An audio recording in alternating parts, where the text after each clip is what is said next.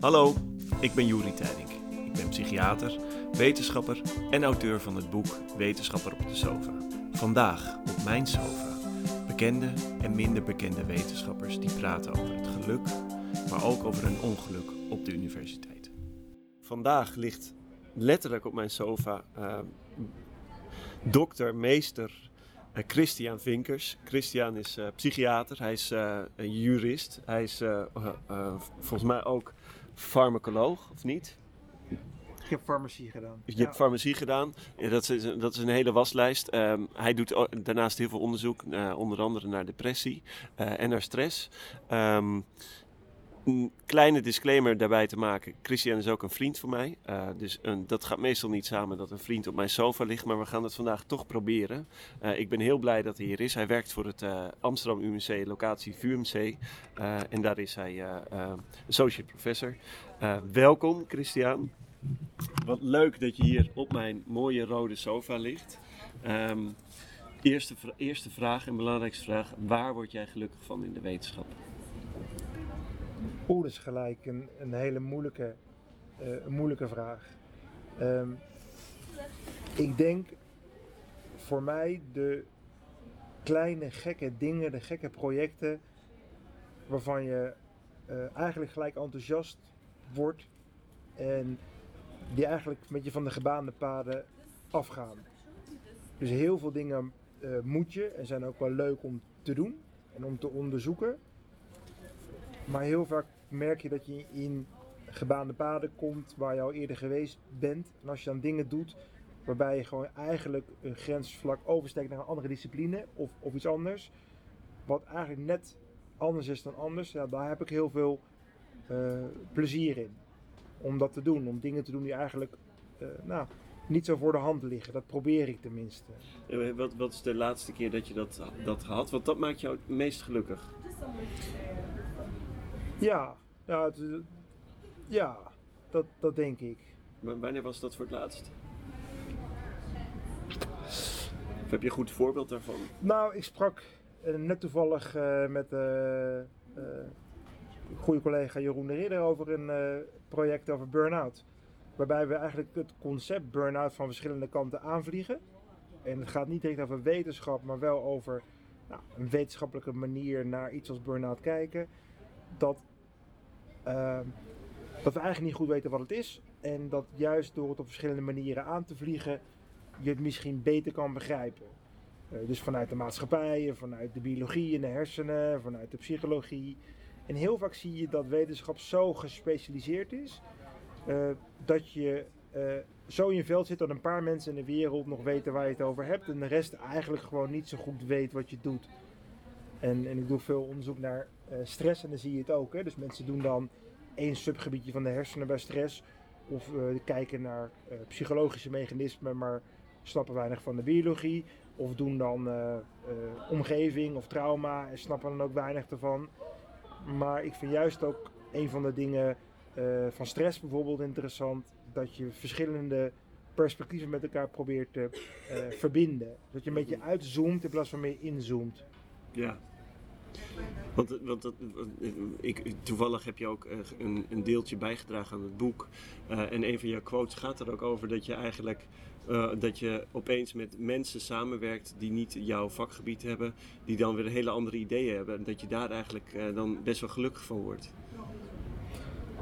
Ja, nou dat, dat, ik ben in ieder geval consistent in mijn antwoorden. Want dan ja. had ik niet meer zo scherp dat ik dat had geantwoord. Maar het is denk ik wel uh, uh, wel waar. Kijk, een deel van de wetenschap is moeten. Uh, en wat is moeten dan leiden voor jou? Oeh, niet altijd. Want, want niet, volgens mij is alles wat je, welk werk je ook hebt, of je nou wetenschapper bent, of, of, of psychiater, of in, in, in de winkel werkt, een deel van de, wat je doet zou moeten zijn. Dus dat is op zichzelf niet slecht, maar onlosmakelijk verbonden aan het leven. Dat klinkt misschien wat zwaarder dan het is. Um, um, maar je moet proberen om die balans uh, goed te houden. Dus dat de dingen die je moet niet te veel zijn. Want als dat op een gegeven moment alleen maar moeten wordt, dat je alleen maar uh, aan het najagen bent en geen rust meer hebt en daarin uh, de gekke dingen eh, en gekke creatieve dingen die heel belangrijk en het leukste zijn, dat die een beetje als eerste eh, in de knel komen. Mhm. Eh, gebeurt dat wel eens dan? Ja, ja. Als je, ik, uiteindelijk gaat, eh, eh, ook als wetenschapper, nou, vooral misschien als wetenschapper, is dat het niet eh, gebonden is aan kantoortijden. Hè? Dus, dus als je mensen vraagt en die werken ergens en een locatie gebonden, dan op een gegeven moment als je weggaat, dan houdt je werk ook op. En qua wetenschap, er is altijd nog meer te doen. Nog een artikel te schrijven, nog een beurs aan te vragen, nog eh, eh, eh, iets te doen. Dus als je zegt van ja, ik, je hebt een eh, privéleven en je hebt, eh, ik werk bijvoorbeeld als psychiater en je bent daarna wetenschapper, dan is de vraag van ja, hoeveel uur ben je dan wetenschapper? Hè? Is eh 40 uur genoeg of, of 60 uur of, of, of 80 uur? En een van de dingen is, ja, eh, eh, eh, het houdt nooit op. Mhm. Dus dat merkte ik zelf ook. Eh, al het werk wat je doet leidt nog onlosmakelijk tot meer werk en, en meer leuke dingen. En eh, er zal weinig mensen zijn in de wetenschap die tegen je zeggen van, hé, hey, werk je niet eh, te hard? Mensen zullen eerder zeggen van, eh, nou gaat het wel goed en doe je wel dingen die, die nodig zijn. Dus je zult jezelf ook de remmen moeten leggen om dat niet meer te doen. Snap wat ik bedoel? Ja, ja, ja, ja. En hoe doe je dat dan? Hoe leg je, hoe Nou. leg je jezelf die remmen op? lastig. Ik heb een tamelijk dysfunctionele rem, dus ik vind dingen heel snel heel leuk. En dat betekent dat ik heel veel dingen doe. En dat ik eh, bij tijd en wijle tegen grenzen oploop. eh, dat je zoveel dingen doet dat je denkt van ja, nu moet ik gewoon, eh, gewoon een hele harde rem, een soort noodrem, weet je wel. Dat je gewoon Ja. een aantal dingen eruit gooit en, en niet meer doet. Soms kijk ik met jaloezie naar andere mensen en denk ik van ja, volgens mij hebben die de balans heel goed eh, gevonden. Ehm, maar ik heb het met andere wetenschappers ook wel eens over. Het is iets waar iedereen mee worstelt. Ik, en ik worstel er zelf ook mee. Hè? Van, van wanneer is het eh, eh, goed genoeg? Hè? Eh, je hebt natuurlijk de Engelse psychoanalyticus Winnicott. Die zei de good enough mother. Maar misschien gaat het ook wel over de good enough scientist. Hè? En dat vind ik zelf tamelijk ingewikkeld hoor. Van wanneer is een, zeventje eh, goed genoeg? En zeg je, nou nu heb je weer genoeg wetenschap gedaan voor de dag. Nu kan je gewoon eh, eh, nou, wat leuks gaan doen, wat ik zeg. Maar wetenschap is ook leuk. Ja. Maar gewoon wat anders gaan doen. En- Ja, ja, ja, ja. En waar, waar, waar zie je dan het mee? Je zegt, eh, ik, er zijn dingen die moeten. Waar, wat zijn de dingen die je het liefst niet meer zou willen, het zou moeten moeten?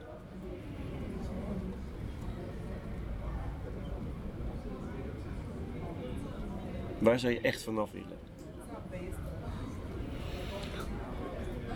Misschien wel. Het, het, paradoxale is denk ik dat eh, je wordt heel erg afgerekend op individuele dingen. Hè? Dus jij begint je inleiding met, met mijn palmares op te noemen en zeggen wat hij allemaal gedaan heeft. En dan leg ik zo half gevleid hier op de bank. Ja, heb ik toch allemaal netjes bereikt. Dus dat is heel leuk. en tegelijkertijd is het ook een last. Want je legt de lat op een gegeven moment zo hoog dat je bijna niet meer aan je eigen lat kunt voldoen. Dus ik zou ook wel eens af en toe weer heel anoniem willen zijn en zeggen van jongens, ik ben gewoon een, dikke nobody en ik ga gewoon eh, science als team science gewoon doen en het maakt helemaal niet zoveel uit. Ik zit gewoon mee te klooien en als er wat uitkomt, weet je, de serendipiteit is prima. En als er wel eens uitkomt eh, of niet, weet je, het maakt niet zoveel uit. Maar op een gegeven moment is de druk om te moeten presteren is ook wel hoog. Hè? Mensen hijsen je op een podium en dan kan je ook weer vanaf flikkeren. Ja, ja, ja. Dus dat, dus dat moeten ze ook. Dat moet is leuk, maar dat moeten zou ik ook wel heel graag niet meer willen. Maar als ik het niet meer heb, dan wil ik het toch wel weer. Ja. Snap je de paradox? Ja, ja, ja, Dat- dat- daar, worstel ik, daar worstel ik best wel mee. Want ik vind het heel leuk en heel ingewikkeld. En ik denk dat het ook niet kan. Want ik denk dat als ik het leuk en ingewikkeld is, denk ik misschien onlosmakelijk. eh? Simpel leuk bestaat denk ik eigenlijk niet. Dus die, die balans van eh, leuke dingen doen, daar eer en credits voor krijgen en een lol eh, inhalen is heel goed. En op een gegeven moment dan daar weer mee stoppen en dan gewoon eh, denken van, nou ja, het kan mij het schelen, weet je wel. Dat, dat, dat, dat is vind ik ingewikkeld. Ja. ja. En wat, welke, want dat is een valkuil misschien dan. Wa- Wat heeft je daar heel erg in geholpen? Om daar beter mee om te gaan? Of uh, relaxter mee, mee te zijn? Nou, dat, door op een gegeven moment, door met andere mensen te spreken, te beseffen dat de eisen die je jezelf oplegt vaak strenger en hoger zijn dan andere mensen willen. Zoals mensen die, bijvoorbeeld je eigen leidinggevende bijvoorbeeld, maar ook andere mensen.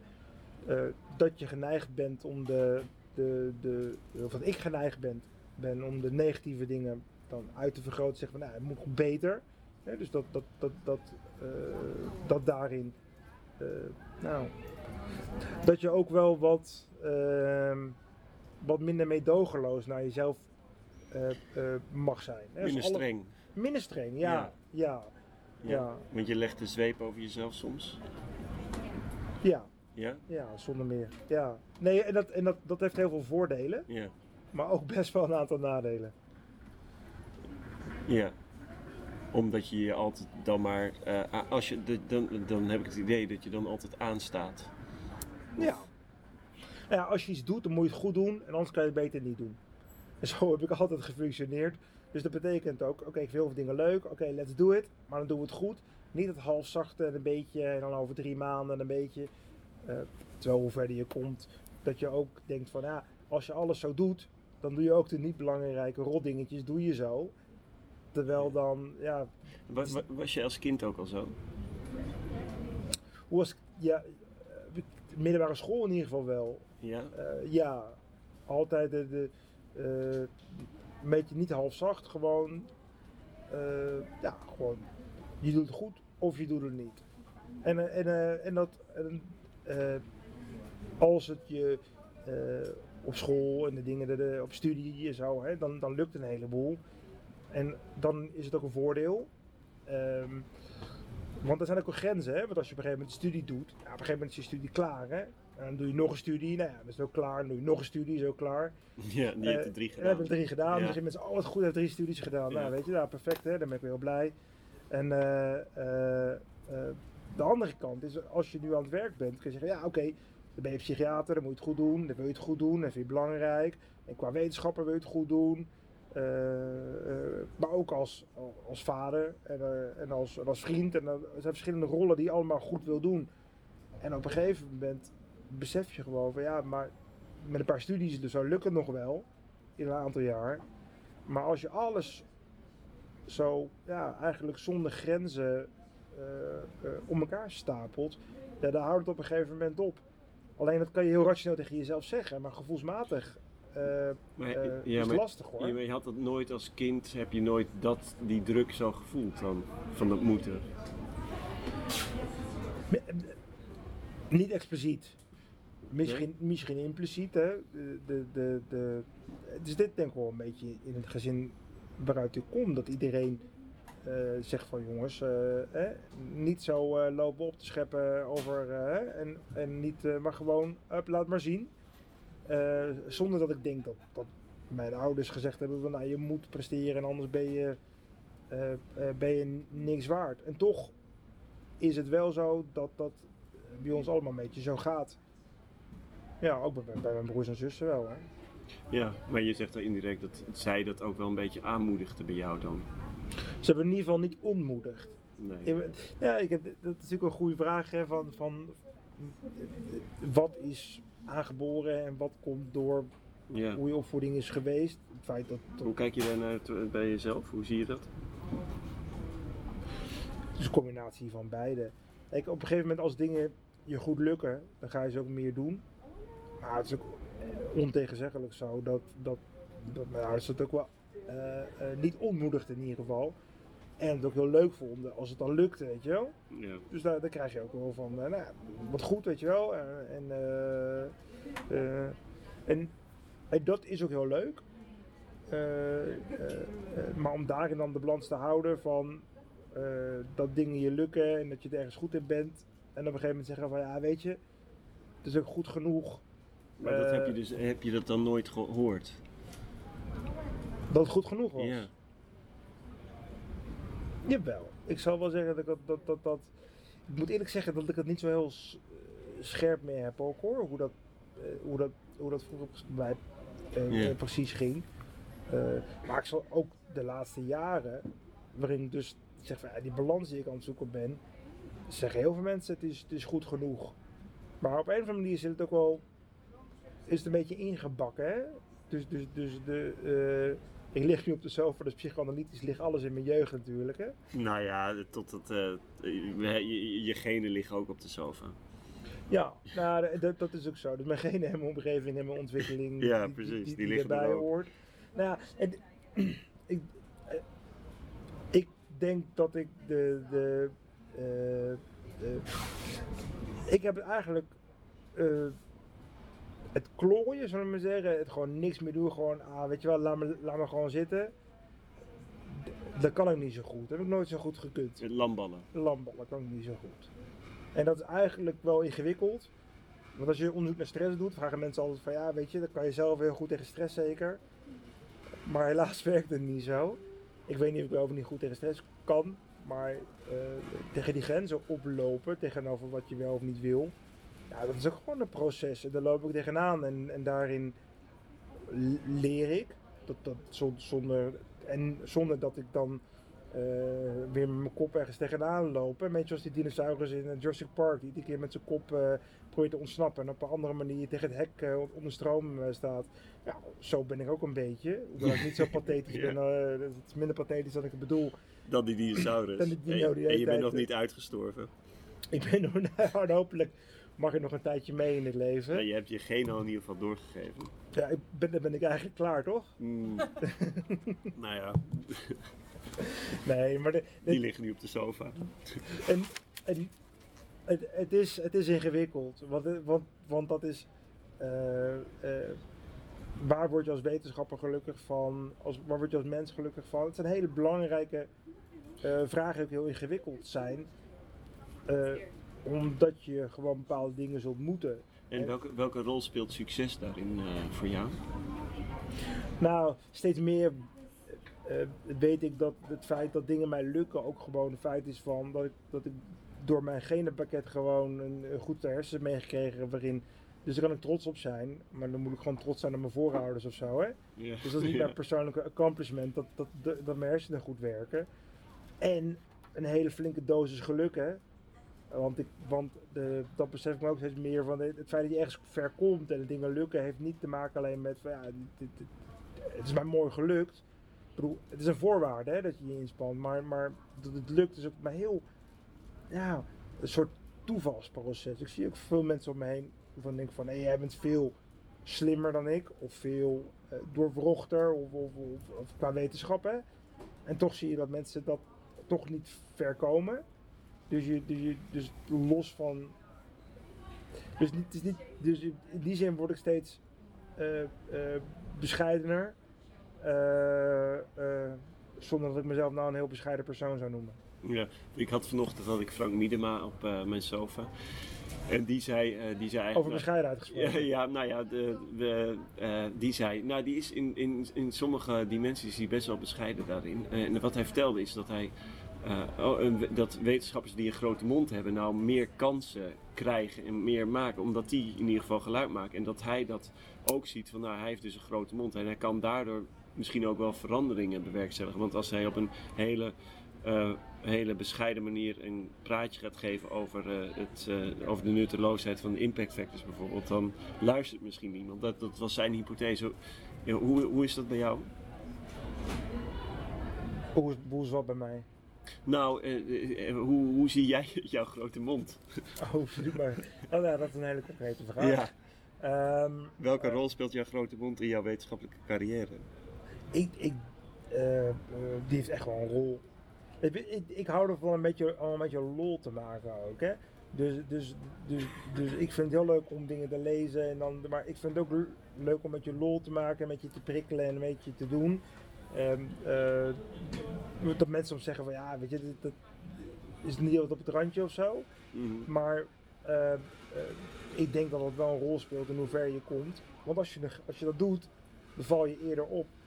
Dus je tien wetenschappers hebt en eentje zit er een beetje te grappen en te gollen en een beetje lol te Ja. maken. Ja, dan valt hij meer op, toch? Ja, Ja. Dat, dat is een beetje... du- dus per definitie maak je dan meer, meer kans. Dus als je te bescheiden bent, dat is een hele eh, goede eigenschap. Maar elk voordeel heeft zijn nadeel, toch? Zijn bekende Amsterdammer. Ja. Ja, ja. Nee, dat is zeker zo.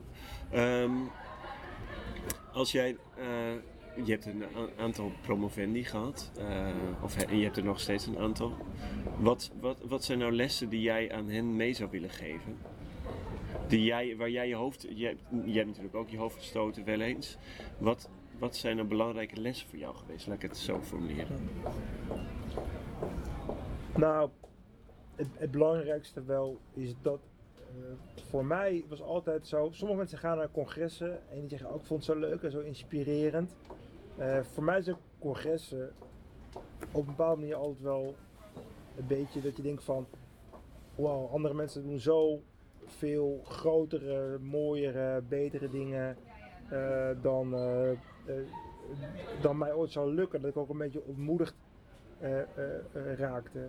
En ook als je kijkt naar andere, als je het vergelijkt met anderen, zijn er altijd mensen te vinden die het beter, sneller, mooier doen dan, dan jij het doet. Dus met mij, daarin probeer ik me steeds minder extern te oriënteren, maar gewoon meer intern. En het is ook een Wat beetje. Wat bedoel je daarmee? Nou, dit, dit wetenschap is voor gedeelte ook een soort, soort beetje zo'n Facebook-achtig iets. Hè? Dus mensen laten congressen nooit de dingen zien die niet lukken of die, die mislukt zijn. Maar het is altijd een beetje. Uh, je kent wel de uitspraak: May your life be as it, as it is on Facebook. En dat is voor wetenschappelijke congressen denk ik ook zo. Hè? Mm. Het is of in veel opzichten aan de oppervlakte too good to be true. En als je dat denkt dat dat de, de werkelijkheid, de realiteit is, staat die mijlenver van, van de, de, de persoonlijke en, en, en, en, systemische worstelingen waar mensen mee uh, mee in de haal gaan. Ik bedoel, wetenschap is, is, prachtig. Basis promovendus moet je denk ik ook wel weten van ja, het is ook lang niet zaligmakend. En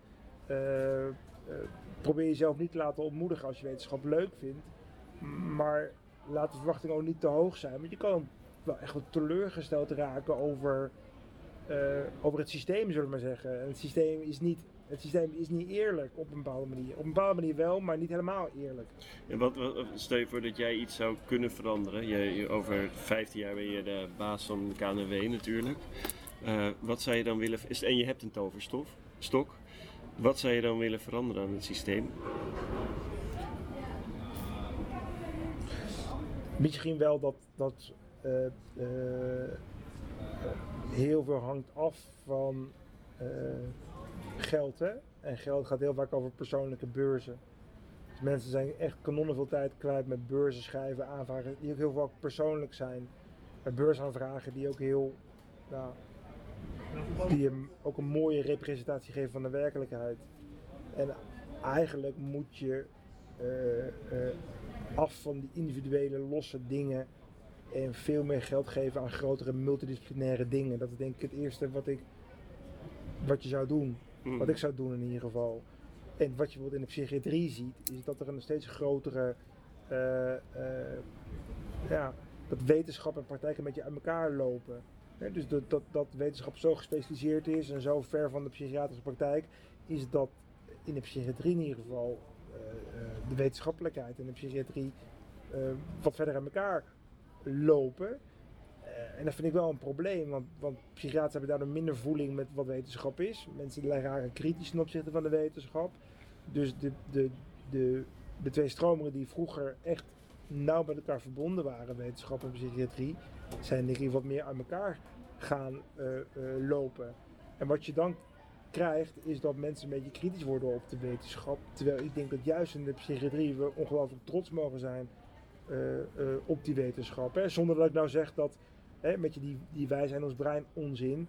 daar, moet, daar moeten we vanaf. Ik bedoel, als je denkt dat je mensen kan reduceren tot die anderhalve kilo in zijn hoofd. Ja, uh, die anderhalve kilo is wel belangrijk. Maar mensen natuurlijk veel meer dan dat. Maar als je de manier van kijken, eh, ongeacht of je nou naar de hersenen kijkt of naar de omgeving of naar. Dat is wel een bepaalde manier van systematisch kijken, nieuwsgierigheid, dat onderzoeken. En als je dat verliest, ja, dan, dan, dan wordt alles alles een unieke ervaring waar je, waar je niks van kan leren. En, en, uh, dus als ik uh, wat verder kom, dat probeer ik ook, om, om eigenlijk uh, nou, het ene en het andere, wat ik net zei, is met elkaar te verbinden. Dus verschillende disciplines die van elkaar leren.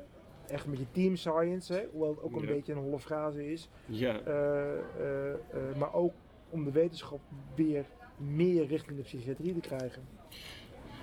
Oké, dat, is, dat, is, dat is Dream On ook een beetje.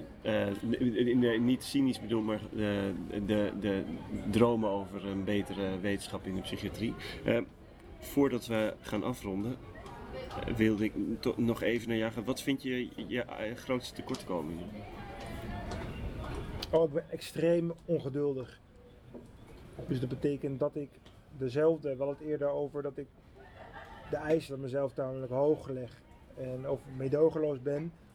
Uh, dat kan ik ook vaak onbedoeld, want ik bedoel dat niet vervelende andere mensen zijn. Mm -hmm. Dus dat je uh, de, dat mensen ideeën hebben van wow, weet je, de druk ligt op mij om te presteren of om dingen te laten zien. En, en het kan niet kwetsbaar zijn en het kan niet, uh, hè, het moet allemaal snel en het moet perfect en het moet. dus dus mijn eigen oude uh, opleider bij Psychiatrie in de Utrecht, Jaap Wijkstra, zei tegen... Er zijn twee belangrijke dingen belangrijk voor jou. Je moet verdragen en vertragen. En dat waren twee belangrijke punten die ik nog steeds niet kan. Dus ik ben blij om hier weer op de sofa te liggen. Uh, om te kijken of ik alsnog dat uh, beter kan doen. je bent nu wel aan het vertragen. Soms moet je ongewild vertragen, om, om, omdat je het op een gegeven moment gewoon allemaal niet meer te behapstukken uh, uh, is. Maar ik ben intrinsiek nog steeds niet goed erin. Dus dat is iets wat ik gewoon moet leren. En ook bepaalde trucjes moet aanleren om dat ook gewoon te, om te doen. Om niet weer in dezelfde patronen te stappen. waarin je zegt van ja, daarmee leg je wel druk op andere mensen. Of daarmee doe je jezelf tekort. Of daarmee hou je de balans eruit. Dat vind ik tamelijk ingewikkeld. Ja, ja, ja. We, we zijn aan het eind van de podcast gekomen. Um, laatste vraag. Wat, uh, wat zou jij jonge wetenschappers willen meegeven als advies voor hun toekomst uh, hun, en hun, of een blik op, het, op, het wetenschappelijke, op de wetenschappelijke wereld? Ik denk vooral om niet bang te zijn om buitengebaande paden te gaan. Ik denk de wetenschap is juist gebaat voor mensen die, die gekke dingen doen. Die niet, uh, uh, er is niks mis mee met incrementele wetenschap, met mensen die voortbouwen op de schouders van de reuzen, zullen we maar zeggen. Uh, maar ik zie heel vaak jonge mensen met hele creatieve ideeën. En wetenschap is namelijk conservatief om dat er doorheen te krijgen. maar dat is extreem belangrijk om je eigen uh, instinct en je eigen cre creativiteit te volgen en, en, daarna te luisteren. Dus laat je niet, laat je eigen creatieve geest en je ambitie in de wetenschap, laat je niet, laat je niet kisten en laat je niet kooien. Hè, zullen we maar zeggen. Oké, ja, mooi. Heb jij die nu zelf bedacht? Dat, dat, weet ik niet. Ik, heb, uh, ik denk het wel, maar misschien uh, als je googelt dat iemand anders dat bedacht heeft. okay. Maar niet dat ik weet. Oké, okay, nou dit is het uh, einde van jouw sofa-sessie. Dankjewel Christian voor jouw inzicht in jezelf en in jouw wetenschappelijke wereld. En ehm, tot de volgende sofa-sessie. Dank voor het luisteren. Wil je meer weten? Luister dan ook de andere podcast of bestel het boek online.